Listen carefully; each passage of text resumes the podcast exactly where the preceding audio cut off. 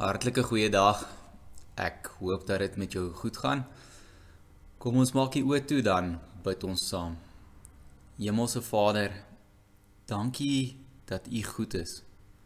En dankie dat U liefde is. En dankie dat ons iets daarvan kan ervaar. Dankie dat ons weet dat U verskriklik baie vir elkeen van ons omgee. En dankie dat elke keer wanneer ons die woorde van die Bybel lees en verhale wat gebeur het en wanneer ons toe na die gelowiges se lewe kyk in die Bybel, dan kan ons daarmee identifiseer en sê, "Joh, maar hierdie is ook eintlik hoe ons lewe is." En dan kan ons vir U in ons eie lewe ook raak sien. En help vir ons dat dit vandag weer eens so mag wees wanneer ons uit die woord uit lees. Hemelse Vader, wees asseblief daar waar mense geraak word deur COVID op verskeie maniere, deur werkloosheid, deur siekte, deur bekommernis, miskien deur alleen te wees. Wil U asseblief dat elkeen wat vandag na hierdie gebed luister, wat miskien so voel of op so 'n manier daardeur geraak word, wil U asseblief by hulle in besonder wees en vir hulle kom omgee en vir hulle kom sorg. Ons bid dit in die naam van Jesus Christus die Here. Amen. Vandag gaan ons lees uit gedeeltes van Markus, Markus 1 en en Markus 2.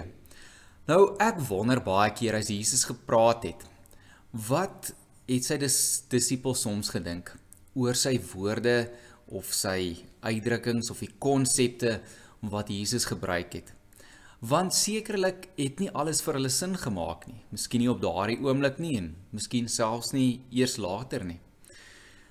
En daar is so een keer wat ons vandag in besonder na gaan kyk en dit is waar mense 'n verlamde man na Jesus toe gebring het en so so baie mense hulle kon nie vir die man by Jesus uitkry nie en daarom maak hulle toe 'n gat in die dak en hulle sak hierdie verlamde man deur die gat in die dak af daar waar almal bymekaar is en um, want hulle wou gehad het dat Jesus moet hierdie man wat lam is gesond moet maak. En dan sê Jesus vir hierdie persoon vriend jou sondes word vergewe. Nou toe die skrifgeleerdes dit hoor, het hulle so onderling met mekaar begin praat en sê, "Hoe durf hy? Hoe kan dit dan wees dat hy sulke woorde kan sê?" Maar Jesus het geweet wat hulle sê en toe het hulle geantwoord met die woorde, "Wat is makliker? Om vir 'n verlamde man te sê, "Jou sondes word vergewe," of om te sê, "Staan op, vat jou draagbaar en loop." En hierdie woorde van Jesus van wat is makliker om te sê jou sondes word vergewe of staan op wat jou draagbaar en loop is woorde wat ek nog altyd oor gewonder het want hoekom sê Jesus wat is makliker en dit kon ek nooit verstaan nie tot ek onlangs iets gelees het in 'n boek van Stefan Joubert waar hy skryf oor Jesus se lewe hoe Petrus dit vanuit sy oë eintlik sien en dit wat hy er, ervaar so 'n bietjie uit 'n menslike perspektief van mense wat saam met Jesus um die die die pad gestap het en by hom geleer het. En toe gaan daar vir my 'n liggie aan en vandag wil ek dit ook so met julle deel. Maar kom ons lees dan eers daar uit Markus 1 vers 1 tot 16 uit. Dis die gedeelte waar Jesus dan die eerste disippels roep. Dan staan daar van vers 16 af: Eendag toe Jesus langs die see van Galilea loop, het hy vir Simon en Simon se broer Andreas gesien waar hulle besig was om werpnette in die see te gooi. Hulle was vissers van beroep. Hy het toe vir hulle gesê: "Kom hier, kom saam met my en ek sal julle vissers van mense maak." Onmiddellik het hulle hulle nette gelos en vir Jesus gevolg. Toe hy 'n entjie verder gaan, het hy vir Jakobus, die seun van Jebedeus en sy broer Johannes gesien waar hulle in die skei besig was om al nette reg te maak en dadelik het hy hulle ook geroep. Hulle het hulle pa Sebedeus ehm um, Sebedeus net so saam met die loonarbeiders in die skei gelaat en saam met Jesus gegaan. Nou ek lees hierdie spesifiek omdat ons weet dat uh, Simon en Andreas en dan ook so Johannes en Jakobus is die eerste disippels wat wat Jesus dan geroep het. Hulle was afkomstig van 'n dorpie met die naam van Kapernaum wat langs die see van Galilea was en hulle was vissermanne gewees, vissers van beroep. Hulle het vis gevang en die vis gaan verkoop in ander dorpies of onderling onder hulle vriende of ander mense miskien uitgeruil vir groente of dalk vleis of wat dit ook al mag wees melk. En so het hulle hulle lewens bestaan gemaak en so roep Jesus hierdie broers um om saam met hom te kom en sy disippels te word en hom te volg. Nou na hierdie gedeelte lees ons van 'n klompie wonderwerke wat gebeur het, mense wat deur Jesus gesond gemaak is onder andere. En dan lees ons ook hierdie een verhaal in Markus 1 vers 29 tot 31. Toe die mense uit die sinagoge kom, dis nou daar saam met Jesus, het hulle saam met Jakobus en Johannes reguit na die huis van Simon en Andreas gegaan. Die skoonmoeder van Simon het daar met 'n hoë koors siek gelê. En hulle het hom, dit is dan Jesus, dadelik van haar vertel. Hy het na haar toe gegaan, haar hand gevat en haar regop gehelp. Toe het die koors haar verlaat en sy het hulle bedien. So hier sien ons dat by Simon en Andreas se huis, um waar Simon ook saam met sy vrou gebly het en vir een of ander rede, weet nie of sy skoonma ook daar gewoon het nie en of sy net daar gekuier het nie, Maar kom maak Jesus hierso vir Simon se skoonma dan gesond, sy genees hom. En dit is ook by hierdie huis in Kapernaum wat ons bietjie later oor dalk of weer gaan gaan ietsie sê. Die laaste gedeelte wat ons gaan lees is nog 'n wonderwerk en dit kom uit Markus 2 vanaf vers 1 tot 12. En daarso staan toe Jesus na 'n paar dae weer in Kapernaum kom, het dit bekend geword dat hy by die huis is. Baie mense het daar saamgedrom sodat daar selfs by die deur nie meer plek was nie. Hy was besig om met hulle oor sy boodskap te praat. Daar kom toe mense wat 'n verlamde man na hom toe bring. Vier van hulle het hom gedra. Toe hulle hom weens die gedrang nie by Jesus kon kry nie, breek hulle die dak reg bokant hom oop en nadat hulle 'n opening in die dak gemaak het, laat hulle die draagbaar waarop die verlamde man gelê het daardeur afsak. Toe Jesus hulle geloof sien, sê hy vir die verlamde man: "Vriend, jou sondes word vergewe." Maar sommige van die skrifgeleerdes het daar gesit en afgevra: "Waarom sê hy so? Hy praat mos godslasterlik. Wie kan sondes vergewe behalwe God alleen?" Jesus het dadelik geweet dat hulle by hulle self so redeneer. Hy sê toe vir hulle: "Wat redeneer julle by julleself hieroor? Wat is makliker om vir 'n verlamde man te sê jou sondes word vergewe of om te sê staan op, vat jou draagbaar en loop?" Maar ek gaan nou vir julle bewys die bewys lewer dat die seun van die mens volmag het om op aarde die sondes te vergewe. Hy sê toe vir die verlamde man: "Ek sê vir jou, staan op, vat jou draagbaar en gaan huis toe. Hy het opgestaan, dadelik sy draagbaar gevat en voor die oë van almal uitgestap. Hieroor was hulle almal verbaas en het hulle God geprys en gesê: "So iets het ons nog nooit gesien nie." Hierdie laaste verhaal wat ons gelees het van hierdie wonderwerk Eilik die ander drie gedeeltes ook speel af in die dorpie Kapernaum. Kapernaum natuurlik die dorp wat ek net nou gesê het Simon en sy broer Andreas in groot geword het, gewoon het en ook so Johannes en Jakobus. Nou hierdie dorpie Kapernaum was in die streek Galilea gewees. Dieselfde streek as waarin die dorp Nasaret was, die dorp waarin Jesus dan natuurlik groot geword het. En Simon en sy broer Andreas het ook in hierdie streek dan mos nou groot geword. Wat beteken dat hulle twee saam met Johannes en Jakobus eintlik dieselfde taal as Jesus gepraat het. As ek bedoel dieselfde taal, bedoel ek nie spesifiek soos Afrikaans of Engels of Sotho nie, maar ek bedoel dat hulle mekaar se uitdrukkings verstaan het, dat hulle mekaar se grappies kon vang en dat hulle met mekaar kon praat oor oor die armoede van die streek en hoe mense dikwels 'n moeilike bestaan moes maak deur harte werk met hulle hande. So hulle het verstaan waar Jesus vandaan kom en kon maklik met mekaar ook dan kommunikeer. Nou dit wil ook voorkom wanneer ons so deur die boeke Matteus, Markus, Lukas en Johannes dan lees die vier evangelies. Asof Kapernaum die dorpie was waar Jesus keer op keer eintlik maar heen teruggekom het. Ons hoor dit ook hierso aan die begin van die van die laaste verhaal um dat Jesus weer by die huis was toe dit bekend geword het dat Jesus weer by die huis was.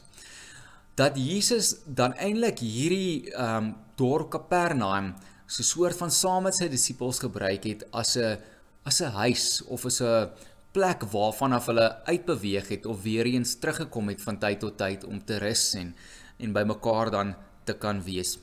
En baie mense sê nogals dat hierdie huis van Simon en Andreas, hulle ouer huis natuurlik waar die gesin en familie saam gewoon het, dat dit die huis is waar Jesus dan so keer op keer heen teruggekom het en ook daar gerus het. Dis natuurlik dieselfde huis waar Jesus ook dan vir Simon se skoonmoeder genees het waarvan ons gelees het. Nou Jesus het ook goed geweet dat die goeie nuus dat hy die verlosser van die wêreld is wat gekom het om mense se sondes te vergewe en ook om weer die verhouding tussen God en mens te herstel. Moes nie net vir die mense van Kapernaum gewees het nie. Maar hierdie boodskap moes ook in ander dele vertel geword het, dele soos Samaria, 'n ander streek, of Judea waar Jerusalem was, weer eens 'n ander streek. En later ook natuurlik dan in die ander dele van die wêreld soos wat Paulus en ander manne dit gaan verkondig het.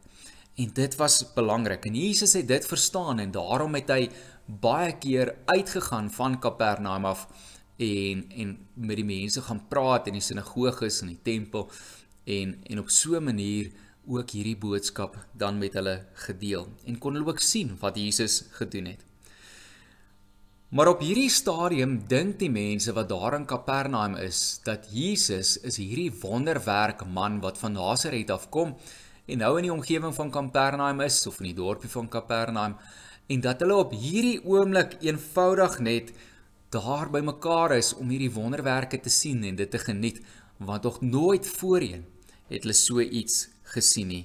Hoor ons ook daarso in Markus 2 vers 12 dan. Maar dan hoor ons ook hierdie woorde, jou sondes is vergewe.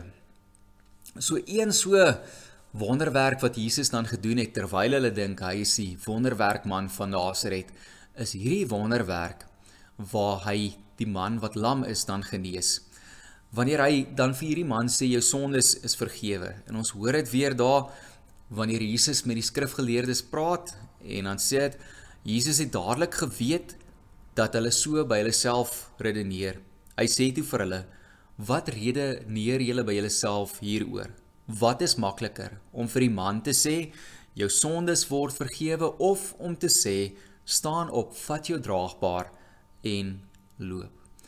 Nou soos ek vroeër gesê het, Stefan Joubert skryf 'n boek waar hy vertel oor Jesus se lewe, maar so uit die oogpunt van dit wat Simon Petrus eintlik dan ervaar het. En dan skryf hy spesifiek ook 'n gedeelte oor hierdie wonderwerk. Wanneer Jesus dan sê staan op, vat jou bed en gaan huis toe. En dan wil ek dit vandag met julle deel. Kom ek lees dit vir julle. Hy skryf: "Sê my, wat is die maklikste?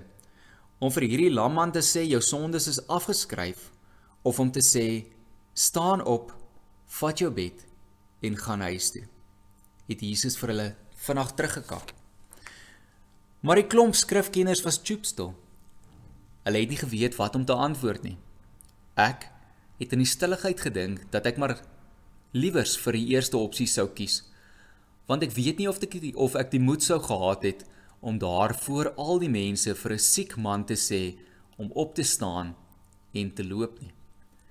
Maar met Jesus by ons was dit anders. Eintlik presies omgekeerd. Hy het in die eerste plek na ons toe gekom sodat die mense se sondes afgeskryf kon word, nie sodat elkeen met 'n skeet of 'n kwaal skielik gesond kon wees nie. Om mense se sondes weg te vat was sy heel belangrikste werk. En om ons te wys dat hy oor die krag beskik om presies dit te doen, het hy daar voor ons almal vir die lam man gesê: "Vriend, staan op, vat jou bed en gaan huis toe." Wat 'n ervaring was dit nie. Ek was in die teenwoordigheid van die grootste sensasie ooit in Galilea se geskiedenis. Ja, ek was van aangesig tot aangesig met God se eie seun. skrikkelik mooi hoe Stefan Joubert dit eintlik dan vertel. Vir die eerste keer ooit verstaan ek hoe moeilik dit vir enigiemand sou wees om te sê staan op, vat jou draagbaar of jou bed en gaan huis toe. Dit is om jouself in die kollig te plaas. Want sê nou maar net dat hierdie man bly lam en hy staan nie op en hy loop nie. Daarom is die makliker opsie verseker om te sê jou sondes is vergewe. As die man dan nie opstaan nie, dan sou ten minste nie sleg gelyk het nie. Maar daar was een probleem, 'n taamlike groot probleem. Daar is sterk geglo en ons glo dit vandag nog steeds dat net God kan sondes vergewe.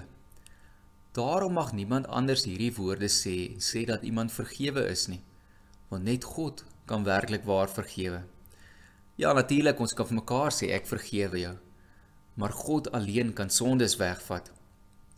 En dit is juis hoekom die skrifgeleerdes so onder mekaar geredeneer het en met mekaar gepraat het. Want wie is hierdie Jesus nou eintlik om iemand se sondes te kan vergewe? Hier kom sê Jesus eintlik klaar vir die mense daarvoor omdat hy die verlosser is, God se seun wat na die wêreld toe gekom het om die sonde van die wêreld weg te neem en op hom te neem sodat mense se sondes, die wat in hom glo, vergewe kan word. Al verstaan die mense op daardie oomblik eintlik nog nie heeltemal wat hy bedoel nie. Maar hoekom sê Jesus dan ook vir 'n lam man dat sy sondes vergewe word? Wat het die man se siekte of om lam te wees dan enigsins met sonde te doen? En hier is ook 'n dieper betekenis wat mens moet verstaan. Toe God aan die begin alles geskep het, het hy dit mooi en goed geskep. Dit was perfek. Daar was niks verkeerd gewees nie. Daar was ook nie siekte gewees nie. Maar met die sondeval het nie net die sonde in die wêreld ingekom nie. Daar het ook wanbalans in God se skepping gekom. Alles wat mooi en goed geskape was, was toe nie meer so mooi en goed en perfek nie. En daarom is ook geglo dat die sonde die oorsaak kan wees van iemand se siekte. Soos byvoorbeeld in Johannes 9 toe Jesus 'n man wat blind was gesond gemaak het, dan vra hulle vir Jesus die volgende: "Rabbi, deur wie se sonde is dit dat hierdie man blind gebore is? Sy eie of sy ouers se. En nou kom sê Jesus eintlik ook in hierdie verhaal in Markus 2 dat hy het die autoriteit om beide te doen. In die eerste plek om mense se sondes te vergewe omdat hy God se seun is.